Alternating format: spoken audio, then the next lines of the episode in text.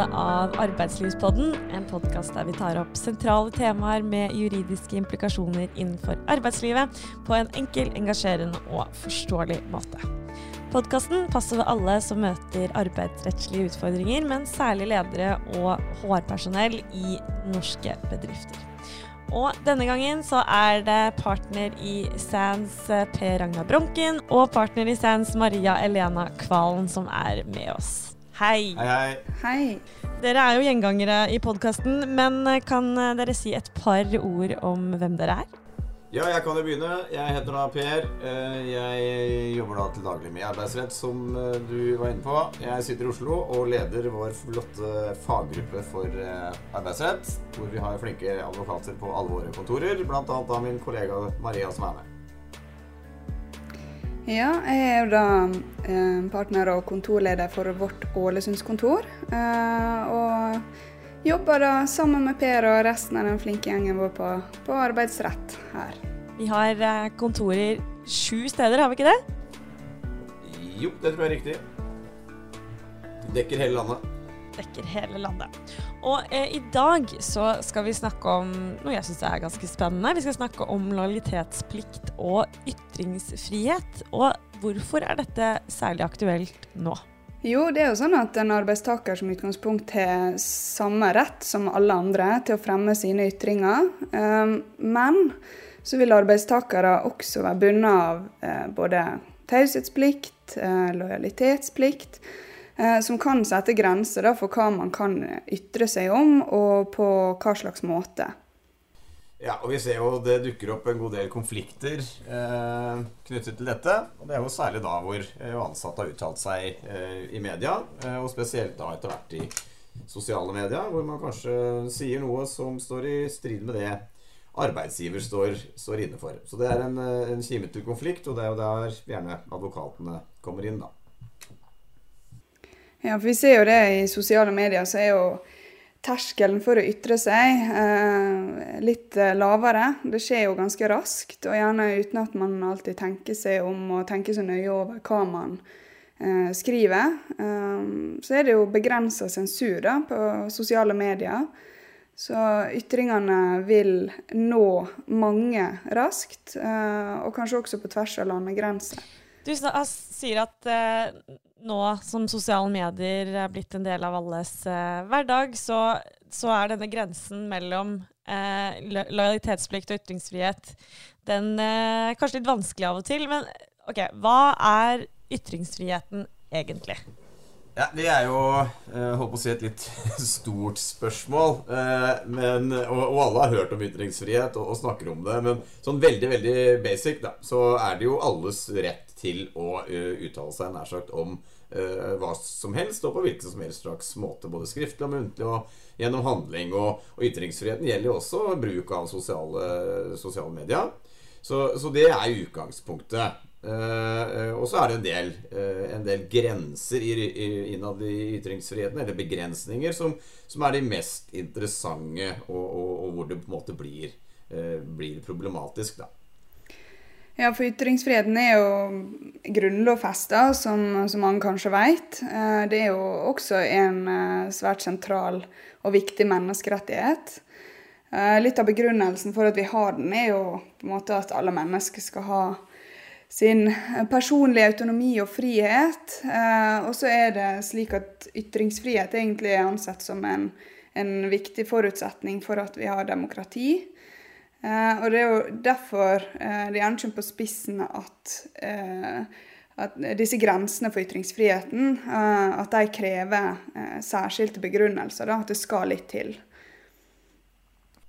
Ja, og det er viktig, fordi den er jo ikke absolutt, ytringsfriheten. Og de mest kjente hva skal jeg si, inngrepene i ytringsfriheten det er jo da forbudet mot trusler, ærekrenkelser. Vi har jo forholdsvis ny lovgivning knyttet til forbud om, om diskriminerende og hatefulle utsagn osv. Så, videre. så det er jo de mest kjente og kanskje mest omtalte begrensningene i ytringsfriheten. Men det vi snakker om her i dag, er jo mer sånn privatrettslig begrensning i ytringsfriheten. Altså den begrensningen en arbeidstaker vil kunne ha da i anledning et ansettelsesforhold. Ja, Fins det noen regler på det? om ytringsfrihet for arbeidstakere? Nei, Vi har ikke noe sånn uttrykkelig lov, eh, lovregler verken i arbeidsmiljøloven eller for øvrig på, på arbeidsrettens område som, som, sier noe om hvorvidt ansatte har ytringsfrihet eh, eller ikke. Eh, likevel så er det jo på en måte klart at også arbeidstakere som alle andre samfunnsborgere har eh, denne grunnleggende rettigheten. Og at den gjelder for så vidt både i og utenfor arbeidsforhold. Men så har vi omfattende rettspraksis på at det er en høy terskel for å begrense ytringsfriheten, også for arbeidstakere. Og vi ser nok egentlig eh, at det innenfor arbeidsrettens område spesielt har skjedd ei utvikling der ytringsfriheten har fått en sterkere og sterkere posisjon, Per. Ja, helt klart. Og det er jo kanskje spesielt da innføringen av disse såkalte varslingsreglene som kom for Ja, det har begynt å bli noen, noen år siden nå. Eh, men eh, begrepet varsling har jo vært veldig sentralt eh, i arbeidslivet de siste i hvert fall ti årene.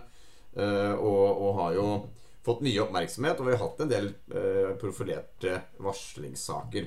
Og Vi skal ikke snakke om varsling i dag, for det har vi vel spilt inn både podkast og webinar og hatt seminar om, om tidligere. Men, men, varsling er jo en del av denne problemstillingen. Og varslingsreglene i seg selv ble jo innført av for så vidt av to grunner. Én å underbygge at arbeidstakere faktisk har ytringsfrihet, og man har en rett til å varsle, og noen ganger også en plikt til å varsle. Og så så man et behov for å også å uh, regulere da eventuelle konsekvenser av uh, varsling, og at det er et forbud mot gjengjeldelse mot varsling så lenge denne varslingen er forsvarlig. Og det forsvarlighetskravet det går jo egentlig litt på hvordan da Uh, hvordan da arbeidstakere uh, kan og skal varsle, eller eventuelt da altså ytre seg. Så, så uh, varslingsreglene, selv om vi ikke skal snakke om det i dag, så er, er en viktig del av det totale bildet. Ja, det ligger, som Per sier, en podkast ute om varsling fra før av, så det er bare å klikke seg til den hvis man trenger en opprissing der. dere nevnte innledningsvis at, at man som arbeidstaker har en lojalitetsplikt som kan sette grenser for uh, altså Kan vi si sette grenser for ytringsfriheten på en måte? Hva, gjør, hva går denne lojalitetsplikten ut på? Uh, jo, Gita, den er jo Lojalitetsplikten for arbeidstakere er jo ikke lovfesta, bygger på, på, det vi kaller ulovfesta rett. Så du kan ikke slå opp i, i arbeidsmiljøloven og se at eh, en arbeidstaker har lojalitetsplikt. Eh, men som i de aller fleste andre kontraktsforhold, eh, så gjelder det da et prinsipp eh, om lojalitetsplikt mellom partene også i arbeidsforhold. Og det er jo nettopp fra, fra arbeidsavtalen da at man kan egentlig utlede denne lojalitetsplikten som en ansatt har. Den bygger egentlig på forutsetninger om at det må være et tillits- og lojalitetsforhold mellom arbeidsgiver og arbeidstaker for at arbeidsforholdet skal fungere for sitt formål. Ja, og det er jo nettopp dette si, over- og under, underordningsforholdet uh, som, som er, er, sentralt. Sånn som du sier at det i det forholdet mellom disse to kontraktspartene da, i, et, i et ansettelsesforhold, så er det jo både der, som i alle andre avtaler, uh, viktig at partene forholder seg lojalt til hverandre. Uh, og uh, det er jo lagt til grunn at man har en i forhold til en del andre avtaleformer at man har en sterk lojalitetsplikt i, i en ansettelsesavtale. Partene må da forholde seg lojalt til hverandre. Og i det så ligger det jo nettopp at da kan man jo ikke uh, uttale seg på en illojal måte uh, overfor den andre part. Og spesielt da, eller det som er sentralt her, arbeidstaker kan ikke uttale seg illojalt uh, overfor sin arbeidsgiver. På, og da mer konkret ikke uttale seg på en måte som eventuelt skader arbeidsgiver. eller bare på en måte som som ikke er i harmoni på en måte med arbeidsgivers interesser. Så, så, det er på en måte uh, hva skal si, kjernen i denne lojalitetsplikten når det gjelder, uh, når det gjelder ytringer. Ja, arbeidstakere vil jo også per i enkelte tilfeller kunne bli identifisert med arbeidsgiveren sin. Så Derfor så er det jo egentlig kritisk for uh, kanskje omdømmet til virksomheten at de ansatte da opptrer i samsvar med arbeidsgivers interesse, som du sier, og forholder seg til de verdisett og de mål som, som egentlig virksomheten opererer med. Ja, og Her er kanskje stillingen den ansatte har, også vil være av betydning. Da. Altså Har man en ledende stilling og på en måte er, er selskapets ansikt utad i større grad, så vil det jo ha en enda større skadeeffekt om man opptrer illojalt eller uttrykker seg illojalt. Hmm. Men så må vi kanskje understreke da, at det er jo alltid, eh, som du egentlig var inne på i stad også, de legitime interessene til arbeidsgiver som egentlig beskytter av lojalitetsplikten. En ansatt vil jo aldri være forplikta til å holde seg taus om, om, forhold av straffbar karakter eller andre kritikkverdige forhold. Eh, det er jo nettopp derfor vi har disse varslingsreglene.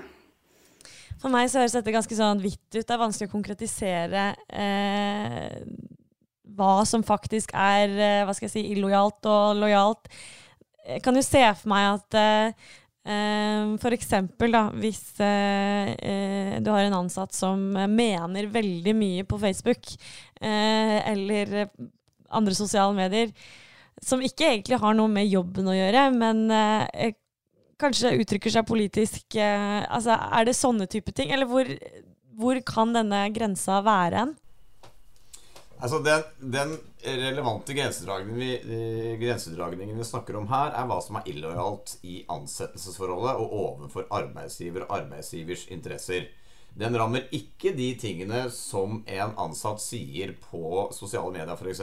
som uh, arbeidsgiver uh, er uenig politisk eller syns er ubehagelig. Uh, nei, Vi har jo sett eksempler hvor en, en virksomhet syns det er ubehagelig at en, en ansatt uttaler seg rasistisk for eksempel, på sosiale medier. Uh, det er jo noe en, en arbeidsgiver dessverre som utgangspunkt må tåle. fordi det er ikke noe som er illojalt mot arbeidsgiver eller arbeidsgivers interesser. med mindre man jobber i en antirasistisk organisasjon, selvsagt. Da er det jo noe helt annet, for da bryter man jo på en måte med interessen til arbeidsgiver. Eh, men, men, arbeidsgiver har ikke noen mulighet til å måte, være noen sånne vakthund i forhold til hva de ansatte sier på, på eh, sosiale medier, typisk. Eh, og, og, må tåle at ansatte uh, sier ting der som de syns er på en måte ubehagelig. Eh, Maria, du snakket litt om eh, lojalitetsplikten. Men hvem er vernet av denne lojalitetsplikten? Gjelder den også overfor eh, kollegaene dine? Altså, I utgangspunktet så er det jo selve virksomheten, altså den vi definerer som arbeidsgiver, eh, som, vi, som, er kontraktsmotparten til, til eh, arbeidstakeren, og som da er verna av lojalitetsplikten. Eh, og, og, I forlengelsen av det så kan vi også si at aksjonærene, altså de som eier virksomheten, vil jo også være verna. Eh, men så kan også lojalitetsplikten strekkes litt lenger. Eh, F.eks. Eh, selskap i konsernforhold. Der har man rettspraksis på at lojalitetsplikten har blitt ansett å gjelde også overfor andre selskap i konsernet. Eller så ville jo kanskje litt av, av formålet med den falle bort, da, hvis man skal kunne sitte og, og ytre seg ja, svært eh, negativt og kritisk til, eh, til ting som skjer i, i, selskapet rett ved siden av. Når det gjelder forhold til uh, kollegaer, så er jo ikke den man skal si, lojalitetsplikten vi snakker om her Den gjelder jo på en måte ikke direkte, for det er tilbake til det jeg har sagt tidligere, at den gjelder på en måte arbeidsgiver og arbeidsgivers interesser. Så er det jo klart at hvis man uttrykker seg si, klart illojalt overfor andre kollegaer, så grenser det jo raskt mot måte, mobbing, trakassering, diskriminering, som er ulovlig ut fra øvrig regelsett. Og I tillegg så er, vil jo det danne et arbeidsmiljøproblem som, som, arbeidsgiver har en aktivitetsplikt i forhold til å ta, ta, tak i. Så det er en del av samme problematikk, men rammes for så vidt av, av, av annet regelverk da, og utløser andre aktivitetsplikter hos arbeidsgiver. Betyr lojalitetsplikten dermed at ytringsfriheten faktisk er mer begrensa for arbeidstakere enn for andre? Tja, det betyr jo at lojalitetsplikten kan utgjøre eh, en begrensning for arbeidstakers ytringsfrihet. Og det er jo egentlig også slått fast i forarbeidene til arbeidsmiljøloven, og det er brei enighet om det i, i det juridiske miljøet og i juridisk teori. Samtidig så er det slik at man eh, som ofte må foreta en konkret vurdering.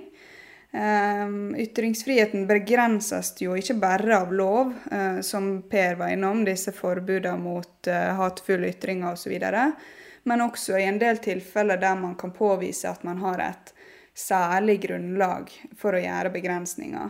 Og Høyesterett har jo anerkjent at nettopp den generelle lojalitetsplikten i arbeidsforhold kan være et sånt grunnlag som begrenser ytringsfriheten. Men det må jo da foretas eh, en konkret avveining der det er en, en rekke moment som vil spille inn.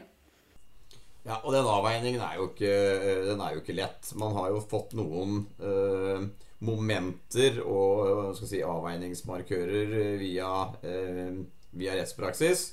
Eh, det mest sentrale er nok litt hva er motivet for ytringen. Hvordan er den fremsatt, i hvilket forum, med hvilket overlegg, for å si det sånn. Vi har jo sett mange eksempler på at det også er politikere i saker som har lagt ut veldig sånn irrasjonelle øh, og, og, irrasjonelle ytringer i, i, affekt. Og alle disse tingene vil på en måte tas med i den vurderingen. da.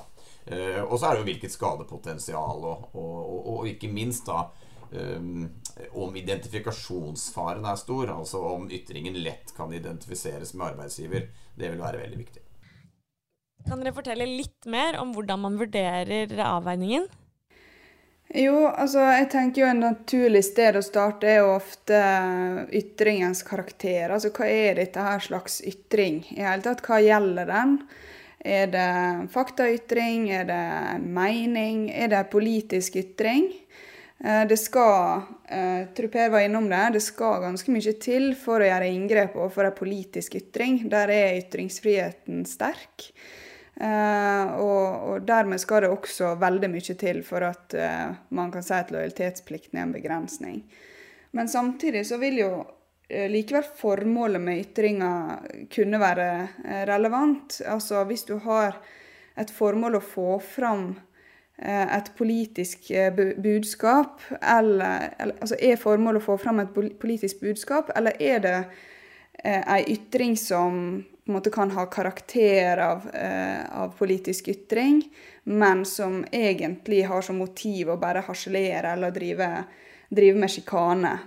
Vi har eksempler der eh, en del ytringer kan sies å ha f.eks. innvandringspolitisk karakter. Men egentlig eh, så det, tar de egentlig sikte på å bare sjikanere eh, og harselere med innvandrere. Eh, og da Eh, vil de kanskje ikke ha så stor Være så beskyttelsesverdig da, som om det er en ren politisk ytring med det formålet.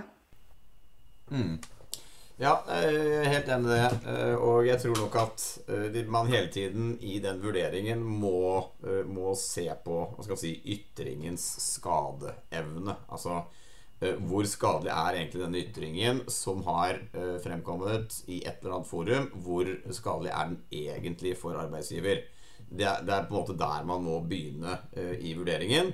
Og det går da både på innhold og det går på, på hvordan den rammer, og hvor, hvor, den rettes. Hvor mange er det som på en måte er mottaker av, av ytringen eh, osv. Én ting er jo å sende e-post til kollegaer eller enkeltpersoner utenfor eh, virksomheten med kritikk. Eh, noe annet er å eh, gå bredt ut i kanskje mange eh, medium samtidig, eh, flere sosiale medium samtidig. Og med, med, med si, store overskrifter og fete bokstaver rette en direkte kritikk. Det er noe, det er noe stiller seg helt annerledes en, en mer nedtonet kritikk, som til dels kan være saklig også, til, et, til, et færre, til færre mottakere. Så er det jo også relevant, det var jo vi litt inne på, om, om ytringer angår arbeidsforhold eller ikke. Kan jo, man kan jo i utgangspunktet tenke seg at arbeidsgiver skal jo ikke legge seg borti ytringer som ikke angår arbeidsforholdet. Du nevnte jo det, Per. Hvis man ytrer seg rasistisk, og det ikke har noe med arbeidsforholdet å gjøre, så er det ikke sikkert man kan legge seg borti det som arbeidsgiver.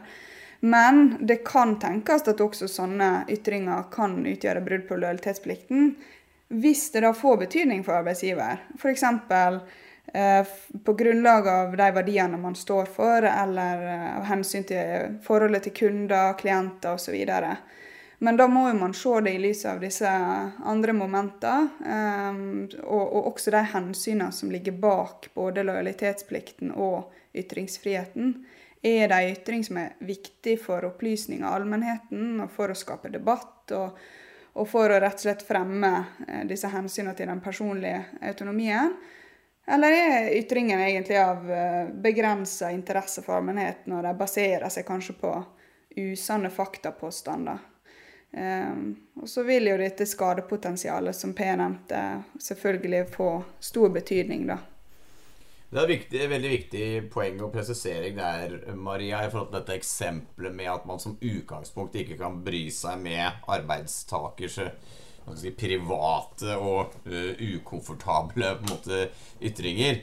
Uh, et tips til arbeidsgiver der er det slik at man uh, synes arbeidstakers ytringer utenfor arbeidsforholdet er veldig, veldig ubehagelig, politisk ukorrekte og noe man på en måte ikke vil assosieres med, ja, så er angrepsvinkelen på det nettopp som du sier, Maria. Altså, Uansett om dette er utenfor, så skader det til en måte våre verdier øh, osv. Vi vil ha dårligere øh, hva skal jeg si rating i markedet. Til syvende og sist kan vi kanskje ikke vinne anbud osv. Nettopp fordi at de som vil kjøpe tjenester av oss, ser at vi har ansatte som ut, uttrykker seg på den måten. Så hvis man på en måte vil angripe disse utenforliggende uh, ytringene, uh, så er det altså inngangen. Per, du nevnte dette med uh, skadeevnen, og at den vil kunne påvirkes av spredningsfaren til ytringen. Da. og er det ett ting, et, et, sted ting spres raskt, så er det i sosiale medier. Ja, som jeg var inne på, så um er det mye som, som spres raskt i sosiale medier. Men litt av poenget med sosiale medier er jo nettopp å, å dele innhold og spre det. Eh, og det er jo slik at ytringer som spres på både Facebook, Twitter, LinkedIn og, og andre plattformer, ofte vil ha enda større spredningsfare enn f.eks. en e-post. Og det er jo fordi de gjøres tilgjengelig for veldig store grupper, eller for allmennheten, og, og gjerne på tvers av land, landegrenser, og det skjer i et enormt tempo som man egentlig ikke kan se for seg eh, før man, man, da ytrer seg. Og Man tenker gjerne ikke over det heller. Eh, man tenker kanskje at det er jo mine venner eller mine kontakter som, som ser det jeg legger ut, hvis man i hele tatt tenker så langt. Eh, og man vet jo at, eh, at, dette kan likes og deles, og dermed ses av andre sitt eh, nettverk osv. Og, så og dermed bli synlig for flere enn det man hadde tenkt. En annen ting som man sikkert iallfall ikke tenker over, det er jo at man kan ta skjermdumper eh, av det som blir lagt ut av andre, og dele det videre.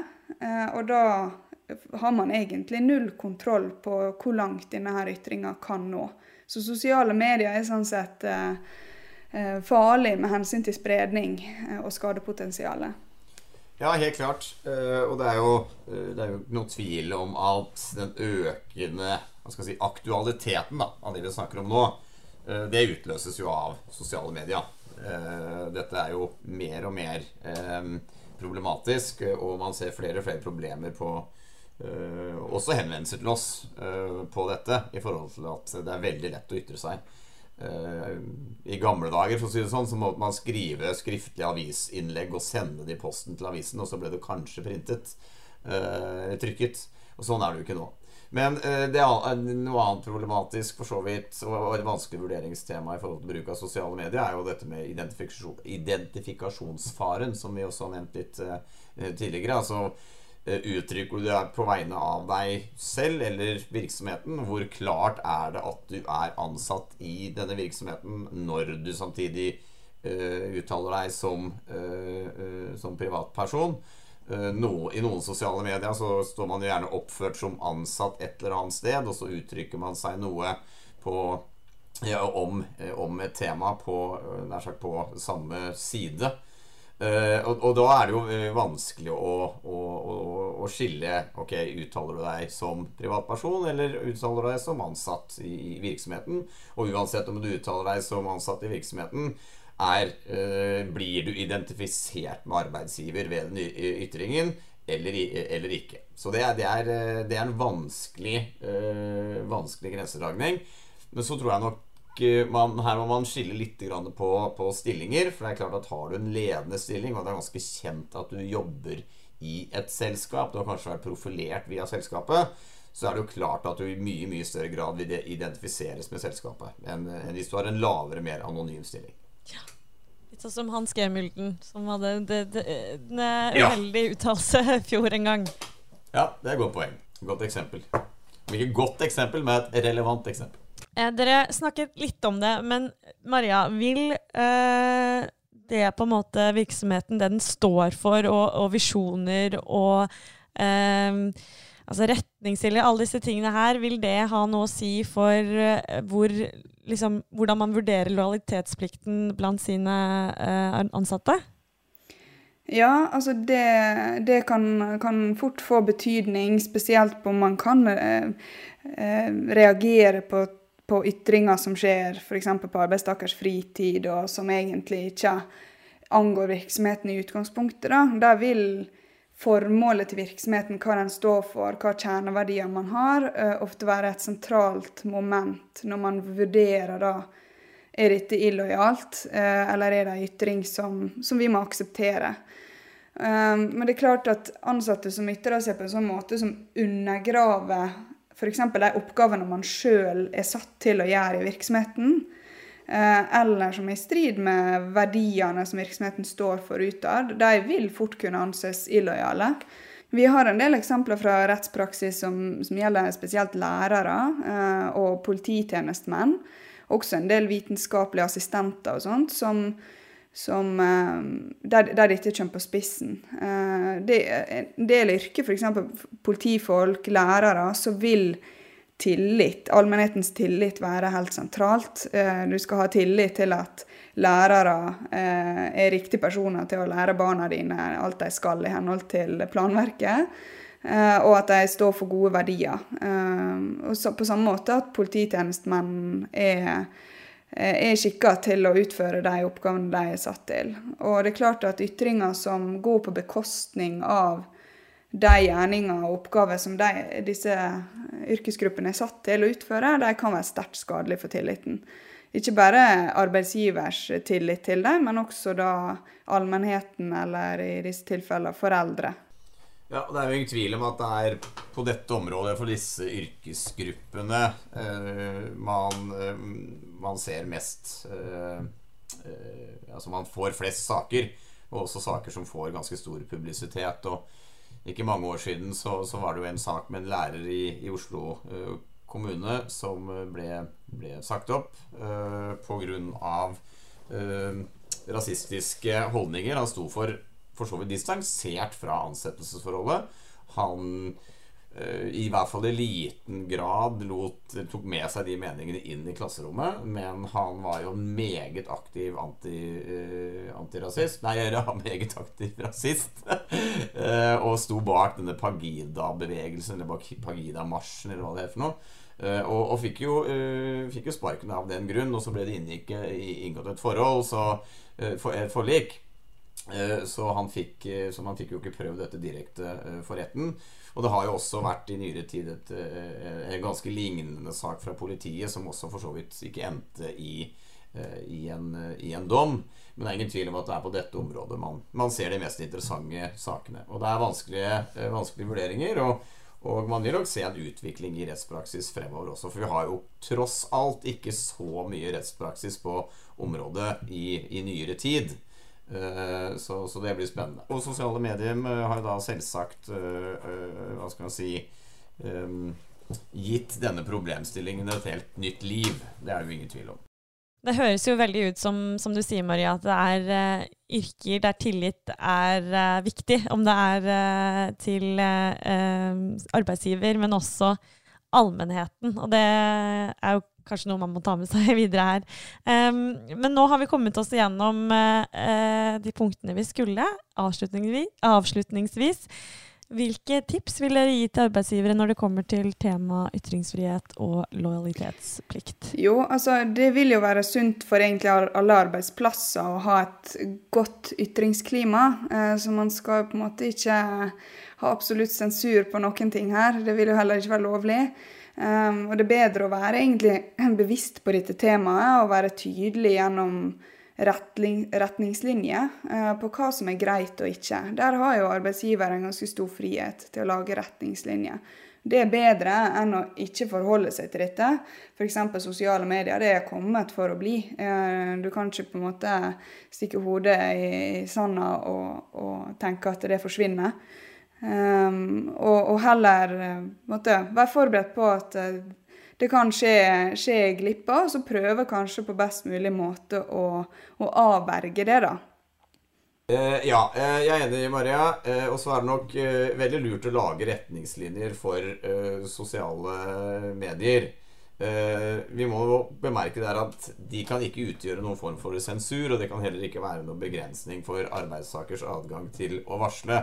Derfor oppfordrer vi våre, uh, våre kunder til å lage retningslinjer som i, i, størst mulig grad er en bevisstgjøring rundt det skadepotensialet som kan ligge i bruk av uh, sosiale medier. Og generelt sett vil vi opp be arbeidsgiver også oppfordre sine ansatte til å utvise eh, godt nettvett. Det er fornuftig for oss alle, tror jeg. eh, tusen takk, Per og Maria. Eh, skal, vi si, eh, skal vi understreke det? Nettvett det er greit å ta med seg i livet, uansett om det er på jobb eller på privat. I privaten. Det er smart. Tusen takk eh, igjen for at dere var med. Um, og så anbefaler vi jo også å lytte til denne episoden om varsling spesielt, da, for disse går litt i hånd i hånd på en måte. Absolutt. De, de er veldig fine å, å, høre på i sammenheng. Vi høres snart igjen, Maria og Per. Takk for denne gang. Takk for. Takk for oss.